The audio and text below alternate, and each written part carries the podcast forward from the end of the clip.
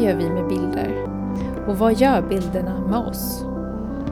Ni lyssnar på en podd om visuell kultur med bildpedagogerna Sibel, Elin och Elisabeth.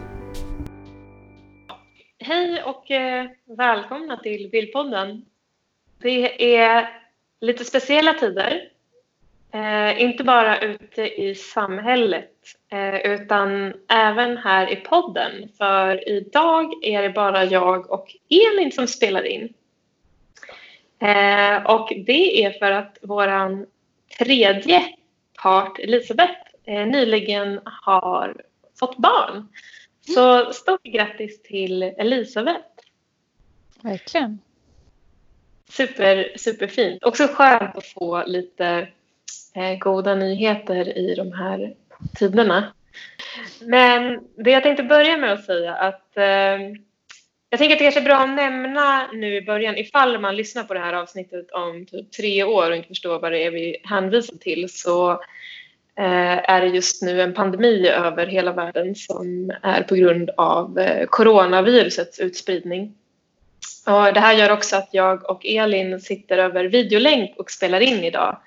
Eh, eftersom, ja, dels så eh, vill vi väl inte smitta varandra. Eh, men också att det finns rekommendationer om att man eh, ska egentligen bege sig ut så lite som möjligt just nu. Och den här pandemin, den är ju också någonting som har lett till vad WHO, alltså Världshälsoorganisationen, kallar för en infodemi. Och eh, jag tycker att det här är lite intressant hur information som sprids och virus som sprids har ganska mycket likheter och även språkligt. Så WHO gick ut i februari redan. Det var ett tag innan eh, smittan liksom kommit till Sverige och eh, förvarnade då om att eh, den här pandemin riskerar att följas av den värsta infodemi som världen någonsin har skådat. Och det här uttrycket infodemi myntades 2003 av en amerikansk statsvetare som heter David Rotkoff. Eh, och det är en sammansättning av orden information och epidemi. Och då myntade han det här och förklarade det som att det är ett exempel på hur några fakta blandade med lite rädsla, lite spekulationer, rykten och förstärkta och blixtsnabbt förmedlade via modern informationsteknik påverkar länders ekonomier, internationell politik och även säkerhet som inte alls står i proportion till grundfakta. Så eh, förklarar han ordet infodemi. Och eh, ett annat ord som liksom hör till det här lite grann handlar ju också om viralitet eller viralt. Och ordet viralt kommer från början från virus som är latin för gift. Och viralt så använder vi idag som någonting, eh, oftast medieinnehåll, som sprids väldigt snabbt eh, och går över hela världen, precis som ett virus i en pandemi. Eh, innan dess så var det ett medicinskt adjektiv, någonting som, ja, det beskrev någonting som är orsakat av ett virus. Men det började användas 1999 eh, ett tag efter då att man började prata om virus även som någonting som är skadlig programvara i datorer. Så att det finns lite likheter här och just infodemidelen är väl vi i Bildpodden lite intresserade av. Kanske speciellt i relation till bilder. Men precis, och jag tänker också att det är viktigt att vi, eller vi vill vara väldigt tydliga med att den här podden kommer inte ge någon information eller någon fakta kring corona utan vi kommer verkligen fokusera på eh, de bilder och filmer som vi har sett spridas hittills. Och att det kanske är lite tidigt att göra en analys men vi kommer göra liksom lite neddyk i bildfenomen som vi har lagt märke till de här senaste veckorna. Men jag tänker kopplat till det du sa om eh, infodemi. Eh, jag var med om en ganska så här ja, men ett litet uppvaknande kan man säga. För eh, vi är flera som jobbar med källkritik i den här podden och när hela pandemin satte igång så började jag följa olika Facebookgrupper för jag tänkte att det var bra att hålla lite koll på vad som delades och olika rykten och konspirationer som gick och jag ville också samla liksom lite material, bildmaterial och så. Eh, och i stunden när jag såg eller fick de här inläggen, då var det ganska enkelt att särskilja vad som var liksom rykten, vad som var personens egna åsikter eller känslor och också vad som var falskt.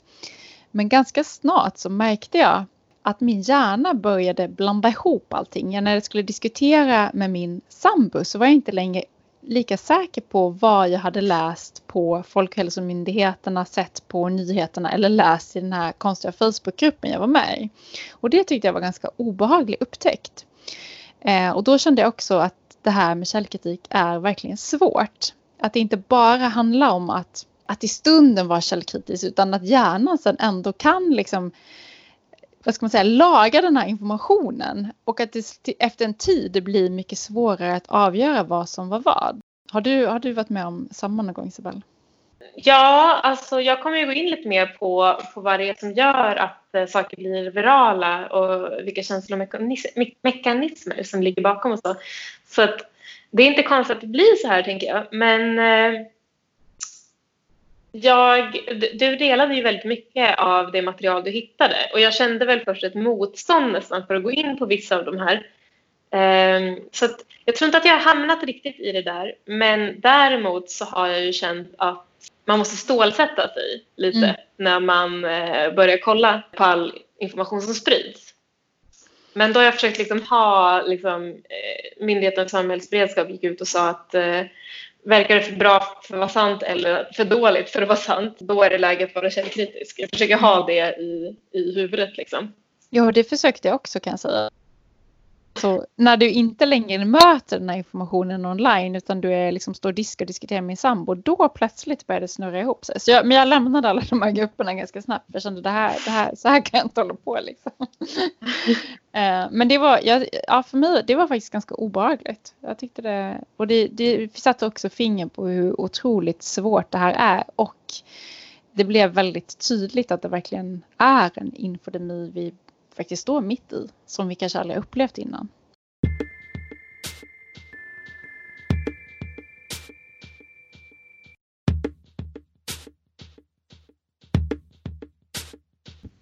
Mitt första bildfenomen eh, som jag då har döpt till tomma platser.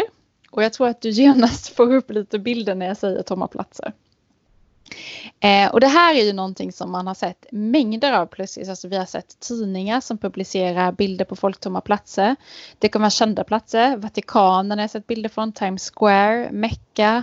Eh, men också fotbollsläktare. Och det de här har gemensamt är att det inte finns några människor eh, på den här platsen. Eh, och flera svenska tidningar publicerat bilder från Stockholm, från Sergels torg, Drottninggatan där det vanligtvis är väldigt mycket folk men som nu då är helt öde. Eh, på sociala medier, flera vänner till mig, influencers har också delat bilder på tomma platser, tomma gator, tomma kaféer, tomma köpcentrum och så vidare. Eh, och många av de här bilderna kombineras också med en text som beskriver någon slags apokalyptisk känsla. Eh, och jag har också sett filmreferenser. I am legend är exempelvis en film som har nämnts många gånger.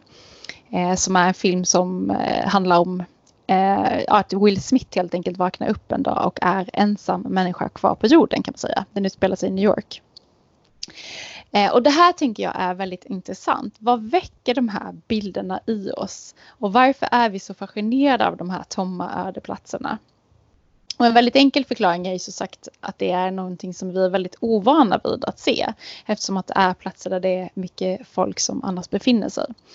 Så plötsligt blir liksom avsaknaden av människan som någon slags viktigt tecken.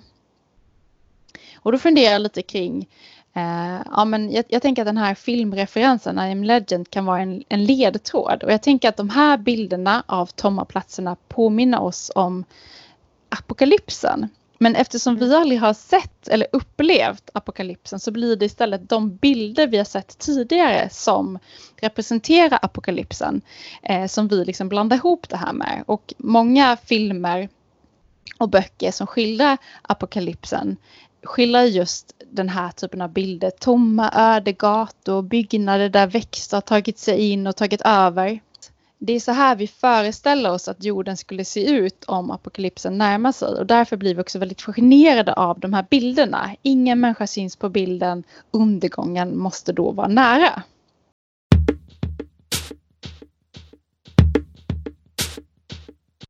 Ett exempel eh, som jag också såg då på Youtube som flera vänner till mig också har delat och som delar sina konstiga grupper. Jag kommer referera till den, jag tänker inte säga vad den heter, jag kommer bara kalla den för konstiga eh, gruppen. Eh, eh, så den det är så många konstiga grupper. Ja men precis. Den konstiga Svårt att hålla reda på. Ja precis, en konstig. Eh, nej, men, eh, och den här videon delades också i den här gruppen.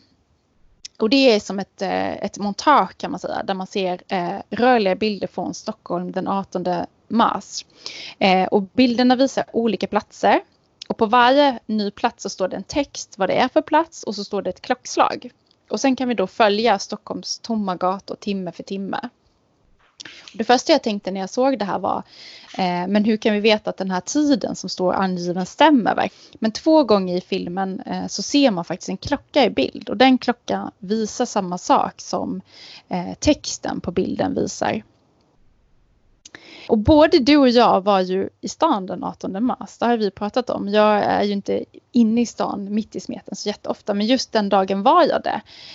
Och jag hade absolut inte den upplevelsen som den här filmen skildrar. Jag var tvärtom ganska förvånad över att det var så pass mycket folk som var ute och gick. Ja, och samma, samma här. Ja, och det jag säger nu är inte att den här filmen ljuger. Men jag tycker att ändå den visar ganska tydligt hur film och bild fungerar. Just att det faktiskt är ett utsnitt ur verkligheten. Och det är det här som också gör det så komplicerat. För jag tänker så här, om, om, om vi tittar på ett klipp eh, på Sergels torg klockan 14 där det är helt tomt. Då vi, kan ju vi omöjligt veta att klockan halv två eller klockan halv tre, då kanske det är fullt av folk igen. Eller om det är tomt på Drottninggatan så kanske det är jättemycket människor på Kungsgatan som ligger bredvid. Det kan vi inte heller veta. Och vi kan inte heller veta om det är väldigt många eh, människor bakom ryggen på fotografen. Att han helt enkelt står med ryggen mot folkmassan och riktar kameran åt ett annat håll. Och inför, eller var det kanske två veckor sedan, så delade vi ett inlägg på Instagram och Facebook tror jag det var. Där vi visade olika tekniker som man kan använda för att bevisa någonting i bild. Och jag tänker att det här är ett väldigt tydligt exempel på hur man har använt ett selektivt bildutsnitt. Alltså personen som har skapat den här filmen har valt bildutsnitt som gynnar den intention personen hade. Personen ville skildra ett öde Stockholm, alltså valde personen bilder som skildrade det han ville visa.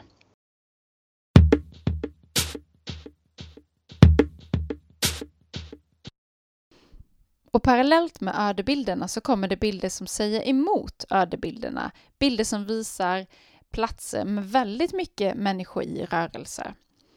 Och de här bilderna använder man då istället som ett argument eller ett bevis för att svenska folket inte tar corona på allvar.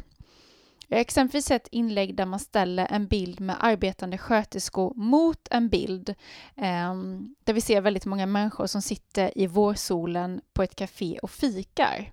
Och när de här bilderna möts i samma inlägg så uppstår det ju ett, ett skav eller ett, ett glapp.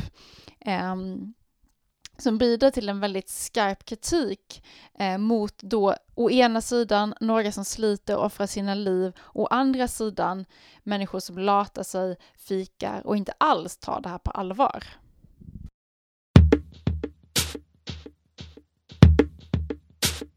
Sen kom det också rapporter här om desinformation. Jag tror det var SVT som tog upp det, bland annat en ryskspråkig nyhetssajt i Azerbajdzjan hade en artikel med rubriken Sverige vägrar slåss mot coronaviruset. Och då hade man ju också en bild som tvärtom de här ödeplatserna istället visade människor som satt på eh, Stortorget i Gamla stan. Och hade supertrevligt och det var, hela torget var fullt.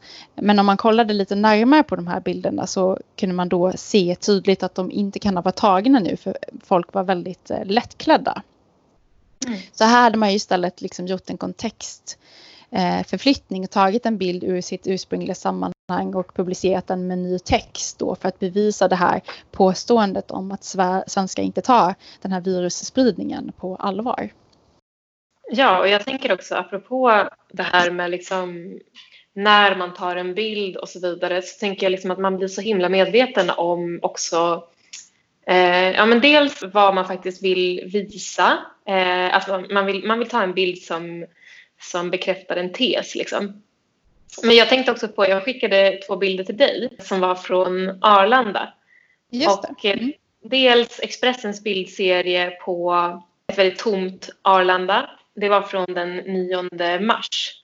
Och sen den 9 mars så har det ju varit lite mindre folk ute på stan och ute och rest. Mm. Men sen när jag kollar på de här bilderna så är det ju liksom mycket från alltså shoppingdelen, restaurangdelen och så vidare. Kanske det man kallar för i City typ och de ytorna där man kan hänga. Eh, och sen några dagar senare, den 22 mars, så har jag en kompis som lägger upp på Instagram stories från ja, men inkommande trafiken på Arlanda. Och eh, hon är liksom chockad för att hon har liksom varit i USA tror jag och där de precis hade börjat propagera för social distansering. Och jag ser en bild utav smockfullt med människor. Alltså man står absolut inte en meter ifrån varandra utan köbildning är överallt och det är fullt som aldrig förr. Men då tänker jag också på liksom att ja, men precis vart riktar man kameran? Liksom? Att det är klart, eh, det är kanske inte är så många som är ute och shoppar och så vidare liksom, och, eller äter på restaurangerna. Men att de, eh, de flockades ju liksom på en annan plats. Precis som du sa med Sergels torg, att folk kanske står bakom ens rygg då. Och hade min kompis riktat kameran åt andra hållet så hade det kanske varit tomt. Så att, eh, man blir väldigt varse liksom, om, om bara vänder man sig 90 grader så kan man få den bild man vill ha. Jag tänker att även om de här platserna är öde så betyder inte det att det inte finns människor. Det är bara att eh, de är hemma istället exempelvis. Att, så att de, de, eh, fysiskt så befinner de sig bara inte i det bildrummet. Men jag tänker att så det blir väldigt så här, två starka eh, bilder som ställs emot varandra. Vi har de här tomma ödeplatserna och sen har vi då de här platserna eh, som är fulla med folk istället som används då för att visa att nej, svenskarna tar verkligen inte det på allvar. Så det blir som två helt olika narrativ där de här bilderna på något sätt ställs emot varandra. Jag ska bara lägga in en brasklapp om vi inte heller, att vi kanske inte heller menar att folk är ute på stan. Nej, nej. Det bara råkade vara så en dag när jag och Elin var ute men det jag, jag tänker, eh, som kanske är viktigt att poängtera, att det här, liksom det vi pratar om, vi är inte så intresserade av eh, sant falskt, tänker jag, utan det vi försöker lyfta här, alltså det som är intressant är inte, det är, inga, är det folk ute eller är det inte folk, utan det är just vad de här eh, bilderna när de repeteras, vilka berättelser de skapar och vad de gör med oss. Eh, jag tänker att det är snarare kanske det vi försöker komma åt.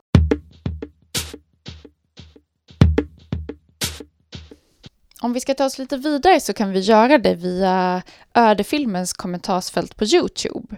För en person har kommenterat filmen “Fattar du inte allvaret så klickar du här”. Och då rör vi oss från de här ödeplatserna och hamnar istället rakt in i en sjukhussal. Där flera sjuka ligger med andningsmasker och syrgas och man ser en massa stressad personal i skyddskläder som springer runt. Och så hör man en mörk, djup röst som påminner mig lite, eller som får mig att tänka på en sån här amerikansk blockbuster-trailer som säger “They are fighting a war here and they are losing”. Och vidare så säger den här rösten “Here they call it the apocalypse and their message to us is simple, get ready”. Ett budskap som faktiskt också påminner om en actionfilm där man använder väldigt starka värdeord som krig, apokalyps och gör er redo. Och jag tänker att det finns två saker som är värt att fundera på här. Det ena är vad som uppstår i mötet mellan de här två filmerna, alltså mötet mellan ödefilmen och den här sjukhusfilmen, som ju är sammanlänkande via kommentarsfältet på Youtube. Och jag tänker om de öde gatorna ställer frågan vad är alla människor? Så svarar Sky News-filmen, ja men antingen så ligger de sjuka, eller så håller de på att förlora ett krig precis som den sjukvårdspersonal vi då ser. Så via sociala medier så länkar plötsligt de här två berättelserna ihop och börjar diskutera och prata med varandra. Och den andra viktiga frågan är ju varför en nyhetsbyrå då producerar den här typen av film. En film som har en väldigt propagandistisk ton och verkligen spelar på folks känslor. Och här tänker jag att media har ett väldigt, väldigt stort ansvar.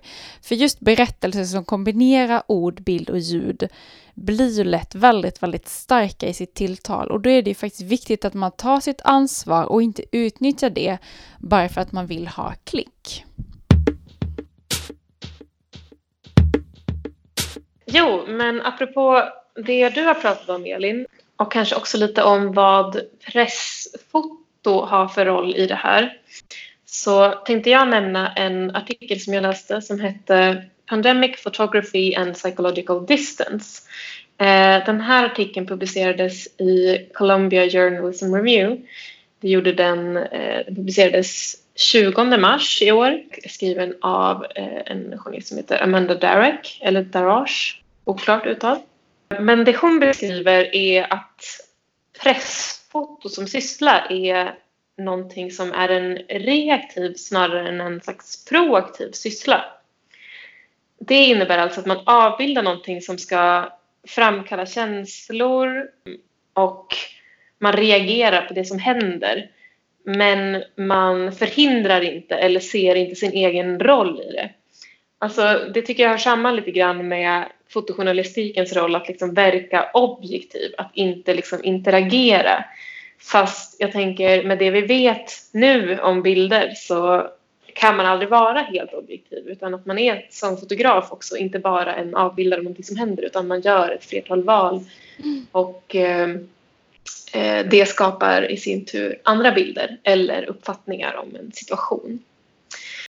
Så det man kan säga är att fotojournalistiken trots vad man kan tro kanske egentligen inte handlar så mycket om rapportering utan snarare skapandet av så kallade signifianter som är ett ord, har jag kollat upp.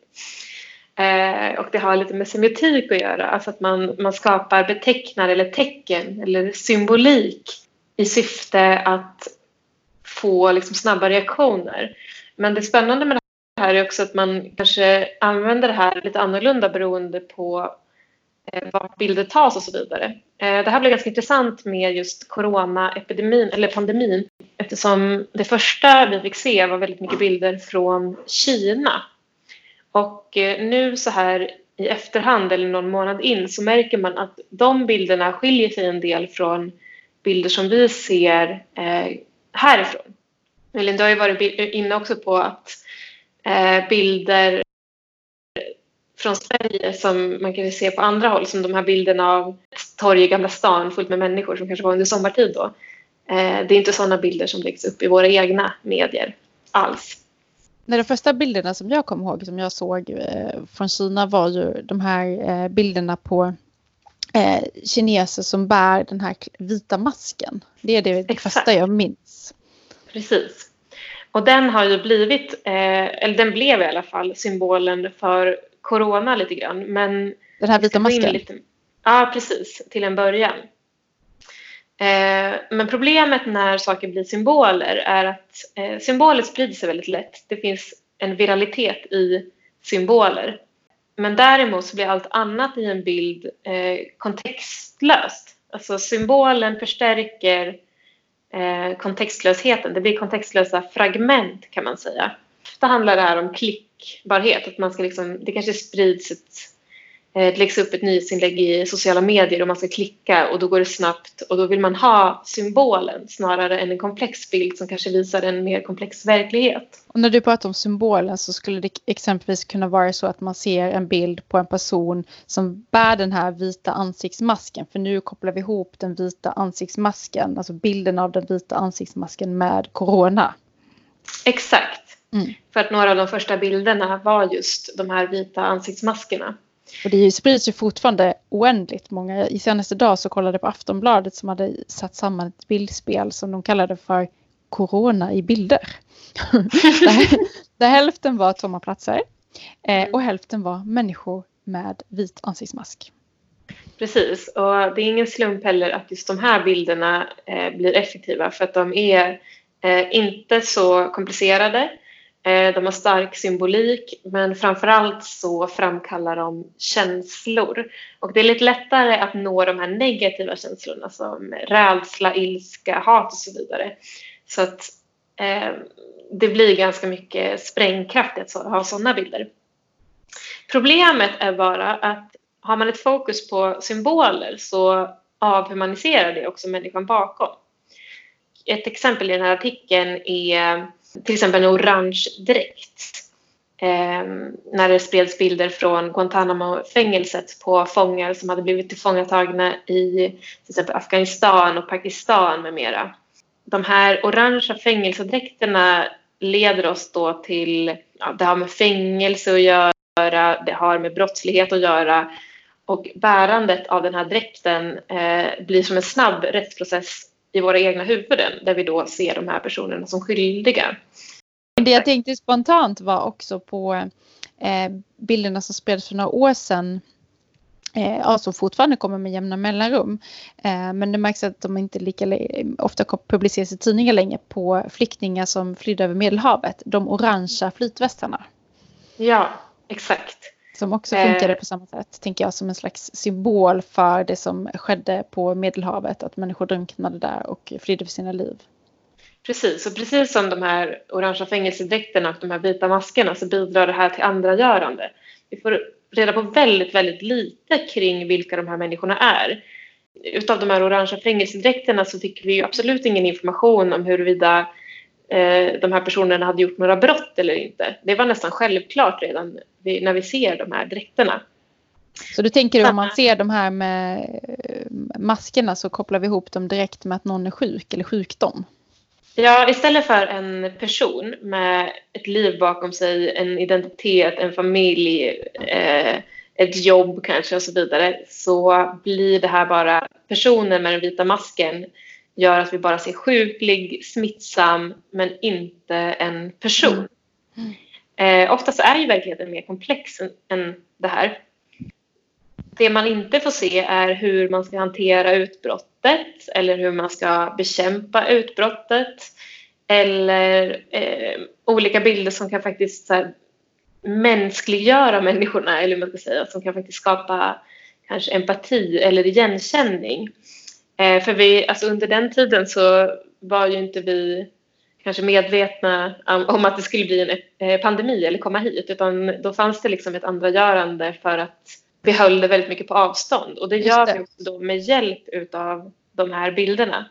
Bilder vi inte såg var eh, familjer som sitter i karantän och tittar på TV till exempel och berättar mm. om hur, hur, det är eller en person som har blivit frisk och eh, tvättar sin tvätt eh, eller någonting sånt liksom, som, får, som får bli en egen person utan bara det viktigaste blev att förmedla bilden av smittan och masken. Mm. Och jag tänker att det här också påverkar när vi sen själva är exempelvis på stan eh, och ser en person bära den här masken. Genast så kopplar man ihop det man ser i verkligheten med de här bilderna. Exakt. Det finns en korrelation där också som gör att man kanske också känner sig direkt eh, rädd när man ser en person med masken. Att det känns obehagligt. Liksom. Precis, för den känslan har redan implementerats. Och generellt så har man väl sett liksom att det är lättare att lägga upp den här sortens bilder av personer i andra länder. Eh, jag tror att vi har nämnt det här i tidigare avsnitt också. Att liksom, eh, man kan lägga upp mycket mer ska man säga, grafiska, hemska bilder på länder som, alltså nästan ju längre bort geografiskt de ligger. Eh, och mm. här handlar en del om liksom, ja, men ett andragörande sådär. Mm. Och att eh, man liksom ser kroppar som är i länder som är långt borta som liksom ja, bara någonting som blir nästan helt omänskligt. Eh, på engelska pratar man om re-victimization. Alltså att man gör ett offer till ett offer igen. Alltså typ att fotografiet blir också mm. ett slags liksom, en, ett övergrepp. Mm. Och, men också att eh, någonting som tas upp i den här eh, artikeln är också att eh, det var väl mer så här förr innan internets eh, intågande men att en del av det här är också att man förväntar sig inte på samma sätt att folk ska se de här bilderna. Alltså de bilder vi lägger upp då från coronasmittan i Kina, vi kanske inte förväntar oss att personer i Kina ska se dem och då bli upprörda. Men det här är också en anledning till att vi inte lägger upp sådana på coronasmittans utspridning i Sverige. För där har man på något sätt i åtanke att de här bilderna ska faktiskt kunna ses av, av de här människorna. Men jag kan också tänka att om man inte kan tänka sig att lägga upp en sån bild av Birgitta 78 så kanske det motståndet är eh, kanske värt att lyssna på.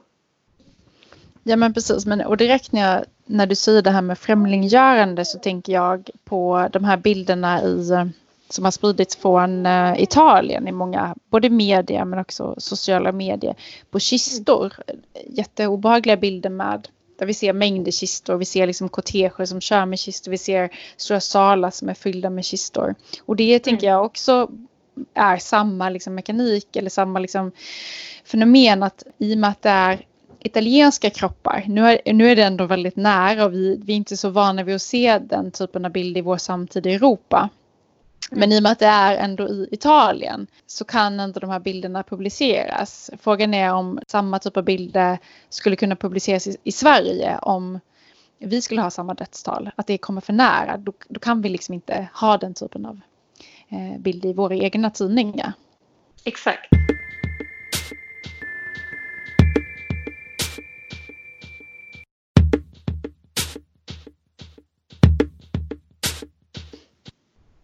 Nej, men en annan typ av bilder eh, som jag har sett ganska många av eh, kallar jag för ögonvittnesskildringar. Och vi pratade om det också, eller vi tog upp det fenomenet också i, den här, eh, i de här teknikerna, sju teknikerna för att bevisa som vi eh, publicerade. Och när jag säger då ögonvittnesskildringar i det här fallet så menar jag helt enkelt eh, filmer som har filmats med människors egna mobilkameror. Så när man ser dem eh, på nätet eh, så brukar de oftast vara i stående format och det brukar vara svarta kanter vid sidorna. Och jag har sett väldigt många olika. Jag har sett eh, inifrån sjukhus, jag har sett inifrån Italien, folk som sjunger på balkongerna. Jag tror att vi kommer återkomma till dem. Jag har sett inifrån Wuhan. Jag såg en man som filmade tomma gator, där återigen de här tomma gatorna. Men också som filmade sin eh, sjuka fru. Eh, jag har sett en läkare som talar rakt in i kameran från Italien. Och det var lite intressant för jag har verkligen så letat efter den här läkaren på nätet men jag hittar inte honom på något sjukhus i Italien. Oj. Eh, men jag, har också jag vet inte hur man ska tolka det. Nej precis. Jag har också sett väldigt många människor som slåss på gatan, som slåss i affärer. Alltså där det råder en väldigt så här, hetsk eh, stämning. Mm. Eh, och när, när man får den här typen av skildringar med mobilkamera så är det ju är det väldigt lätt att man uppfattar den här typen av skildringar mer äkta än många andra. Jag tänker att det är som att vi då får se en person som är på insidan, om man säger så, inom citattecken insidan, som vittnar istället för att samma sak skildras utifrån, exempelvis då media. Jag tänker speciellt på ett klipp som jag såg eh, som Expressen faktiskt också delade. Där det är en kvinna då som har vänt mobilkameran mot sig själv och hon sitter på sjukhus. Och hon har eh, andningshjälp och hon har liksom kateter och hon har kanyler överallt och hon beskriver hur det känns och hur jobbigt det har. Hon har då, alltså hon är smittad med corona och man hör hela tiden när hon pratar att hon verkligen så här chippar efter andan. Eh, och det är en väldigt, ett väldigt starkt klipp. När man var med i den här eh, gruppen då på Facebook, konstiga gruppen, eh, så var det väldigt många som hela tiden återkom till den här frågan. Men har ni träffat någon som har haft det, alltså corona, hur känns det? Och vi läser ju siffror och statistik och vi kan också se, liksom, vi, vi, läser också beskrivningar av hur de här symptomen kan se ut. Men det det här klippet gör, det här mobilklippet, det är ju att plötsligt så ser vi en människa som har corona. Vi hör hur hon andas tungt och vi ser alla maskiner och vi liksom förstår på så sätt allvaret. Så den här mobilfilmen blir otroligt viktig för många för den sätter kött och blod på det här viruset. En som har det filmar sig själv. Och samtidigt då får man ju komma ihåg liksom att den här filmen är ett utsnitt ur verkligheten. Jag tänker på dig då som går igång på statistik. Mm. ja, jag myser här.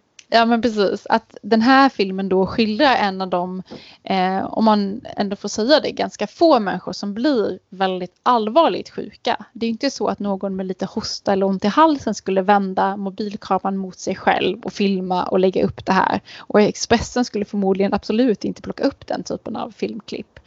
Även om vi kanske behöver se den typen också av filmer för att då väga upp den här andra. Mm.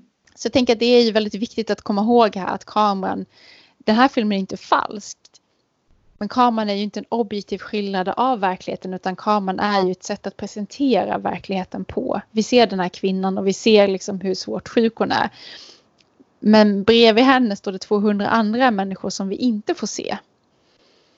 Och att jag kan också förstå varför det är väldigt liksom lockande för media och nyhetsredaktioner att publicera den här typen av bilder. För att det är det här folk vill se när man är rädda. Samtidigt så tänker jag att det här också motverkas och man blir ännu mer rädd när man ser den här typen av filmer. Precis, där tror jag att du sätter fingret på någonting också. Just det här med, som vi pratade lite om innan, att eh, det som sprider sig snabbt är eh, kanske negativa känslor som ilska, rädsla och hat.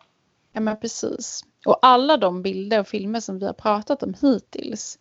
Det som också händer, de är inte bara enskilda bilder och filmer utan de förstärker ju varandra också. De pratar med varandra, de kommenterar varandra, de motsäger varandra ibland. Och tillsammans så skapar ju de också de här större berättelserna om en sjukvård som är kaos, apokalypsen, paniken när vi ser de här bilderna då på människor som slåss, eh, desperationen eller kanske då de här italienska filmerna där folk filmar med mobil hur eh, hela kvarter sjunger tillsammans. Eh, där man istället kanske får någon slags hopp, en känsla av hopp i allt det här.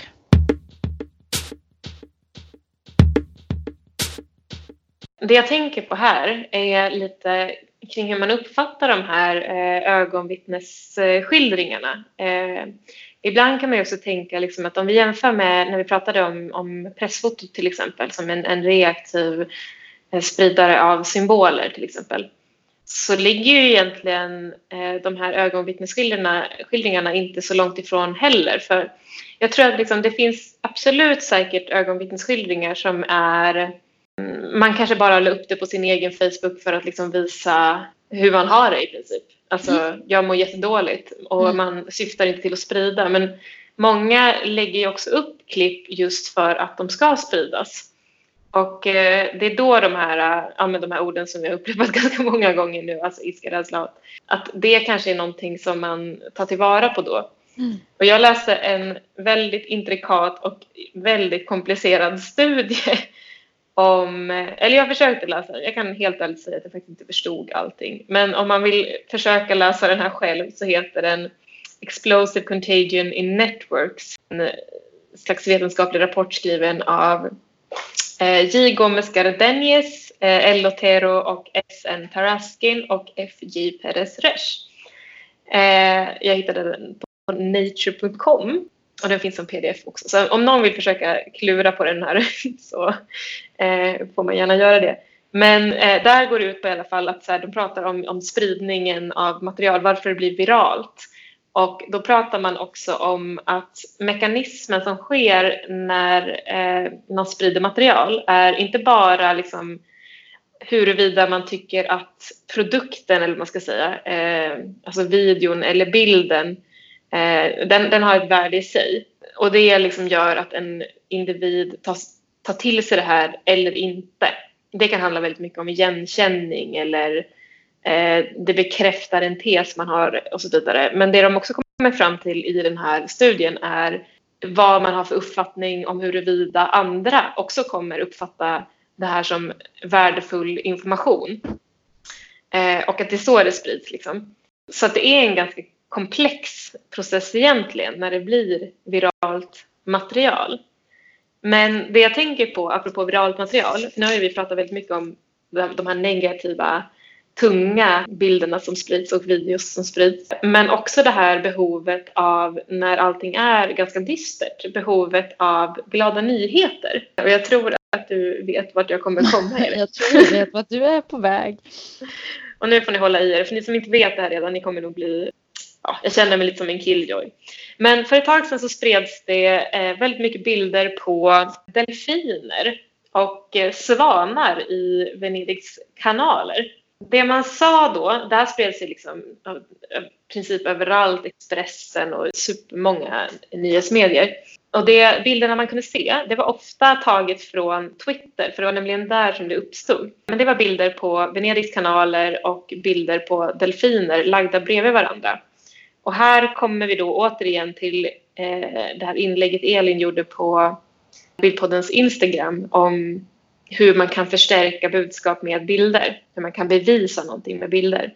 Nu har vi klassikern lägg ihop två bilder och det blir sant. Så man pratade då om, eller nyhetsvärdet i det här var att eh, på grund av att folk stannar hemma, eh, man använder inte motorbåtar lika mycket, det blir mindre förorening, så har eh, Venedigs kanaler blivit så pass rena att dels att man liksom ser att vattnet är väldigt rent då, Eh, men också att då delfiner och svanar simmar runt i kanalerna. Att så här, the wildlife has come back to Italy. Typ. Men sen så har ganska många spräckt hål på den här myten. Jag läste en väldigt lång Twittertråd om det här och en person som, alltså den som började dela det här med svanarna då.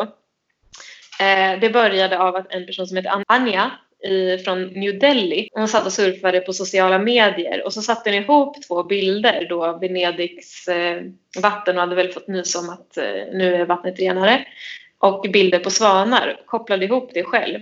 I hennes huvud, eftersom hjärnan gärna vill liksom göra kopplingar mellan saker så kopplade hon det till att ja men okej, det simmar runt svanar i Venedigs kanaler. Och därför så ja, vill livet ha kommit tillbaka. Eh, och sen så Vadå, det hon, miss, det var, det, det, hon, hon missförstod det? Det var det som var grejen? Ja, hon, hon gjorde en snabb koppling och ja. gjorde det till en nyhet på sin Twitter. Det här spreds ja. enormt mycket.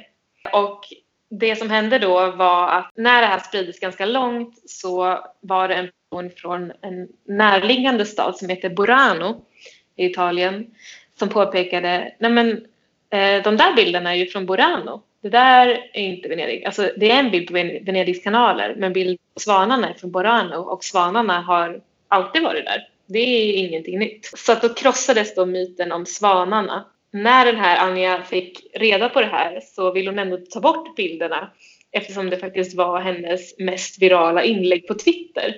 Så hon var liksom nöjd ändå. Det hade liksom gett ett värde för henne ändå. Trots att det var, alltså huruvida det var sant eller inte. Var Desinformation. Desinformation eller inte, det var väl spritt och det var en bra sak i sig.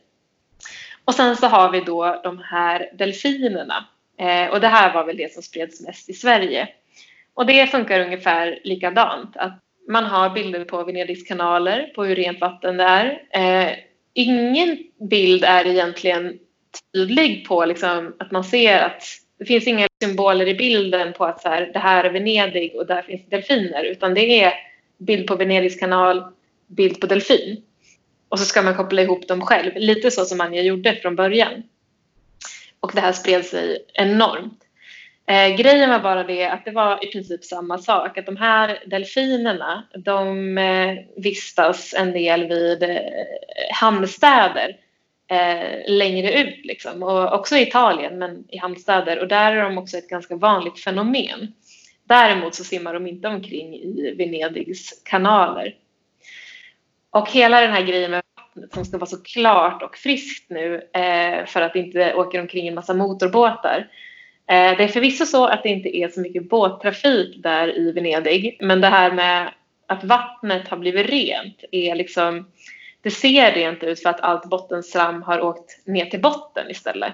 Så att det virvlar inte upp på samma sätt som när det är vanlig båttrafik. Eh, det kom också en nyhet om eh, elefanter i Kina, i Yunnan, som hade blivit fulla på majsvin eh, och därefter däckat.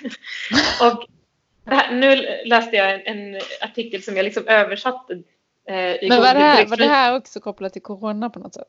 Absolut. Att mm. där, när människorna stannar inne så hade det då kommit Festar 14 elefanter och fest. Precis. då festar de loss på risvin.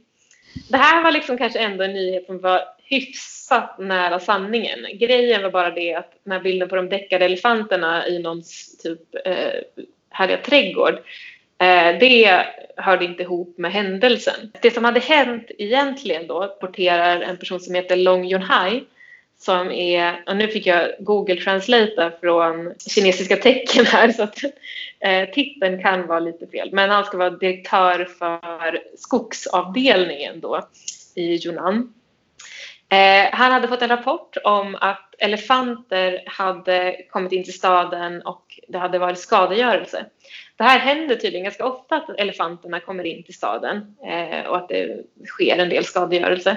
Och då hade han liksom börjat, ja men då hade man börjat följa de här elefanterna. Alltså man hade bevakat elefanterna sedan eh, förstörelsen av byggnader och egendom.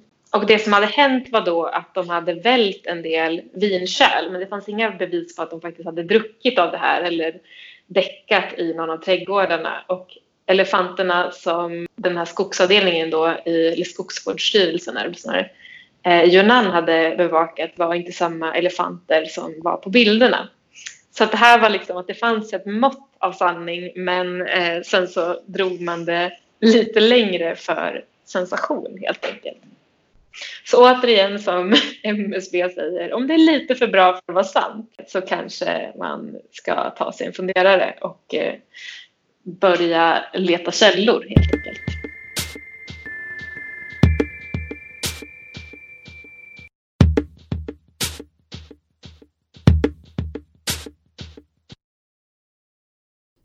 Jag tänker att vi fortsätter på det lite mer lättsamma temat. Och jag tror att vi alla kan vara överens om att vi idag ser en meme-explosion utan motstycke. Och jag tycker mig se ganska tydliga kategorier av olika fenomen som kommenteras via memes. Ett exempel är ju att i media och sociala medier har det spridits bilder på tomma hyllor i affärer. Hyllor där varor har tagit slut. Och i Sverige har vi sett flera foton och berättelser om hur folk har bunkrat toalettpapper. Och den här ny nyheten har ju varit flitigt kommenterad i form av memes. Så här pågår ju ett slags visuellt samtal kring vår erfarenhet av bunkring av toalettpapper. Och för att de här memesen ska fungera så krävs det ju att vi alla är medvetna om kontexten. Så på så sätt är ju de här memesen väldigt bundna till vår samtid och det som sker runt omkring oss. Men de kan ju också komma att fungera i framtiden som ett slags dokument över saker som faktiskt skedde under pandemin. Och andra memes med humoristisk ton är exempelvis memes som att delta i video, videokonferens eller att det är Zoom som har skapat corona. Och alla de här memesen som har en mer humoristisk touch, eh, som vi alla kan skratta lite grann åt, fungerar ju som en slags gemenskapande kraft och skildra humoristiskt sett de erfarenheter vi alla just nu delar. Mm, vi kan också se en kategori med memes som har en mer, ett mer politiskt budskap eller ett politiskt tilltal. Eh, och bland annat har det spridits flera som beskriver eller berör omvärldens syn på corona. Jag tänkte bara här, ta tre exempel eh, som jag har stött på nu inom de nästa dagarna. Eh, och en av bilderna eh, visar tre stycken drakar, varav två av drakarna har ett väldigt så, skarpt och allvarligt utseende. Och på de drakarna står det Danmark och Norge. Och den tredje draken eh, har istället skelande ögon och en tunga som hänger ut ur munnen och ser ganska korkad ut. Och på den draken står det Sverige. Och det finns flera bilder som liknar den här bilden i sitt upplägg. En annan bild som jag såg häromdagen, då ser vi tre stycken personer som är klädda i gula skyddskläder och har gasmask på sig och det ser ut som att de eh, står vid ett dike och plockar skräp. Och på de här personerna står det Italy, Denmark och China. Och skräpet som de hittar lägger de i påsar som också har tydliga liksom, skydds, eh, vad ska man säga, skyddspåsar. Och på de påsarna står det coronavirus. Och så bredvid de här personerna så har vi en fjärde person som står väldigt oberörd, ser väldigt glad ut, eh, som har en eh, rosa piké, chinoshorts, händerna i fickorna och ser mer ut som någon slags konstig turist som bara står bredvid, eh, helt passiv. Och på den personen står det då Sweden. En tredje bild som har lite samma tema hittar vi en text där det står It's so badass when people stand in front of shit they destroyed. Och då ser vi först Iron Man som går framför en explosion. Vi ser John Wick som går framför en explosion och sen ser vi Jokern, i detta fall Heath Ledger, som går framför en explosion. Och i den fjärde bilden ser vi svenska flaggan och sen ett inklippt ansikte på Stefan Löfven som ler lite eh, ja, konstigt helt enkelt. Och jag tänker att de här memesen får nog väldigt många att skratta, men de är ju också ganska politiska och starka i sin ton. Och de här valda fotona på Stefan Löfvens ansikte, alltså man har valt foton där han inte kanske ser, eh, ja, han visar inte sitt bästa ansikte om vi säger så. De påminner ju om också politiska eh, karikatyrer eller stereotyper. Så de här memesen de framställer honom som korkad och som någon som förstör Sverige.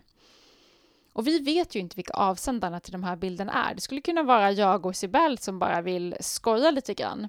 Men det skulle också kunna vara en avsändare som har tveksamma politiska åsikter vars syfte är att splittra och ställa grupper och åsikter mot varandra.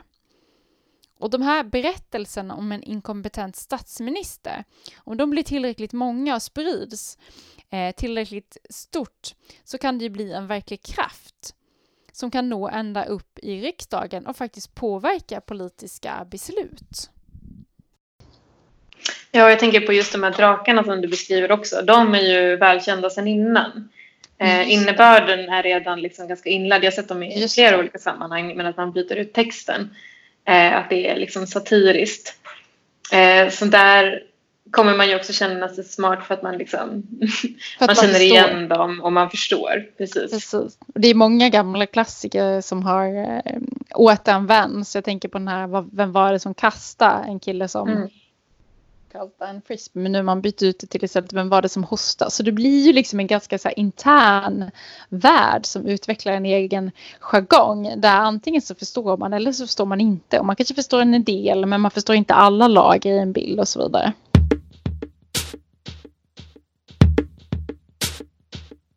Mm. Eh, men jag har fördjupat mig lite grann mer i just konspirationer.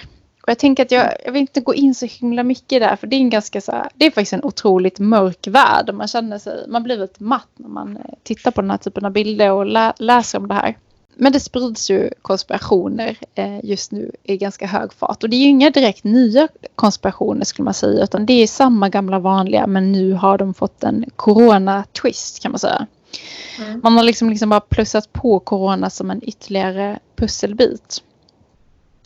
Och eh, man har läst högerextrema bland annat som eh, menar att coronaviruset är biologiskt skapat av USA, Kina eller Ryssland och har spridits ut då för att skapa en slags ny eh, världsordning, ta över världen och alla andra är upptagna då av det här kaoset. Det här är inte bara extrema grupper som sprider de här. En fritidspedagog på min sons skola kom och berättade för mig om eh, den här teorin också. Så att det, de finns liksom och florerar runt omkring oss överallt. Och det är faktiskt ganska obehagligt. Sen har vi också klassiska antisemitiska konspirationer om att det är judarna som vill ta över världen. Eh, och de har också då fått en coronatvist.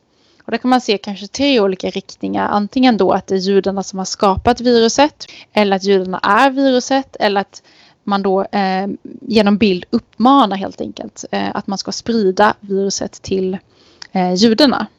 Mm. Och också de här klassikerna, George Soros och Rothschild-familjen återkommer då i flera teorier eh, som skaparna bakom det här eh, viruset. Ett bildexempel eh, som jag stötte på är exempelvis eh, en bild där vi ser en stor trähäst som syftar till den här trojanska hästen. Men här har man då istället gjort den här hästens ansikte som ett stort coronavirus. Och vi ser en stor, stor port och där är det människor med de här vita ansiktsmaskerna, symbolen som du också har pratat om tidigare. Och inne i den här trojanska hästen så ser vi då The Happy Merchant som är en, en, en hatsymbol. En, en judisk hatsymbol eh, och en väldigt rasistisk eh, antisemitisk stereotyp teckning av en judisk man med skägg eh, och stor näsa som gnuggar sina händer och har det här giriga ansiktsuttrycket. Eh, och just den här The Happy Merchant är ju en bild som förekommer i många meme. Och ADL, den amerikanska organisationen som också eh, var den första organisation som stämplade Peppe som en hatsymbol har också stämplat The Happy Merchant eh, som en hatsymbol. Mm. Originalbilden är skapad på 80-talet eh, av en, en rasistisk serietecknare som har en pseudonym A. Wyatt Man. Den här bilden då, The Happy Merchant, återkommer i flera bilder man kan se eh, en bild av The Happy Merchant klädd i skyddskläder. En gul dräkt med en ansiktsmask och blåa handskar när han står liksom och girigt gnuggar sina händer. Som en kommentar då till att det är judarna som har skapat det här viruset för att sen ta fram ett vaccin och på så sätt bli rika. Eh, vi kan också se Happy Merchant stå med en spruta eh, och en text där det står Get your coronavirus shot. Och här kommer Peppe också tillbaka för vi kan också se Peppe i, i samma typ av den här The Happy Merchant eh, gnuggande händerna i samma gula mask och så ser vi honom då sitta framför en laptop istället. Så han återkommer också i den här corona-twisten. Och sen så har vi då andra rasistiska bilder och memes kopplat till då eh, att judarna då skulle vara viruset och en bildtyp som förekommer väldigt ofta är att man exempelvis ser en person titta i ett eh, mikroskop på det här viruset och sen när man då får se vad personen tittar på i mikroskopet så ser vi då exempelvis ett happy merchant liknande ansikte som stirrar tillbaka och då förstår vi att okej okay, det är judarna som är viruset. Och, och så hittar man också fruktansvärda meme på 4 och Reddit som skildrar hur man bara försöker då sprida eh, viruset till judarna för att utrota dem istället. Sen har vi en hel del rasistiska memes som anklagar kinesiska befolkningen för att virus är deras fel. Man använder viruset som ett anti-immigrations vad ska man säga, symbol eller då kan man se exempelvis en bild på flera människor som håller varandra i handen och så står det mångfaldens styrka och så i mitten ser vi då det här viruset. Homofobiska memes så att man kan liksom använda det här corona coronasymboliken till egentligen vad som helst. Mm. Grejen är ju då, och då kan man ju tänka sig så här, ja men ja, de sprids ju bara i de här grupperna. Men då gäller det verkligen att komma ihåg, och det här har ju vi varit inne på tidigare, att de här bilderna kan få verkliga konsekvenser de här bilderna skapar en visuell gemenskap som väldigt snabbt sprider en ideologi. Det blir en slags jargong som gör att en enskild person exempelvis framför sin dator då känner att den personen är en del i någonting större. Och The Happy Merchant är ju också en karaktär som återkoms väldigt likt i Der Stürmer, tidningen, tabloidtidningen som publicerades under andra världskriget och som gjorde att den tyska befolkningen avhumaniserade sina grannar och så kanske då också gjorde att man sen vände bort huvudet och tittade åt andra hållet när man eh, såg hur judarna behandlas. Och problemet är att vissa av de här memesen också sprids utanför grupper som har rasistiska åsikter. Och det här har vi också pratat om innan. Hur bilderna sen avfärdas som mörk humor. Vadå? Det är inte rasistiskt. Det är ju bara ett skämt. Mm. Och problemet är ju just att bilderna inte är lika tydliga i sina uttalanden som text kan vara. Så säger du samma sak med ord, låt oss döda alla judar. Då tror jag att ganska många av oss backar undan. Men när vi ser samma budskap inbakat i de här memesen, då har vi plötsligt uttalat outtalbara. Och om någon säger emot oss, då kan vi bara skapa, avfärda det som ett skämt. Och det är ju faktiskt väldigt, väldigt allvarligt. Precis, och att det kan bli liksom en del av ett slags imagebygge också av att man är en skön person för att man liksom... Ja. Eh, det du säger att när man sitter där framför och känner att man är en del av gemenskap, att man förstår ett kodat budskap så får man vara med den här sköna gemenskapen. Men jag tycker också att man ser väldigt snabbt nu hur liksom eh, disinformation eh, påverkar liksom politiskt, alltså mm. ända upp i liksom regeringar. Men just det här med de kodade budskapen också, att de som vet, de vet. Eh, som Pepper the Frog till exempel som har blivit en eh, alt-right-symbol. Liksom. Mm. Eh, man kan tänka att en, en groda är oskyldig. Eh, den har ju en oskyldig bakgrund från början. Liksom. Eh, men har sedan liksom fått en betydelse som har förvrängts över tid.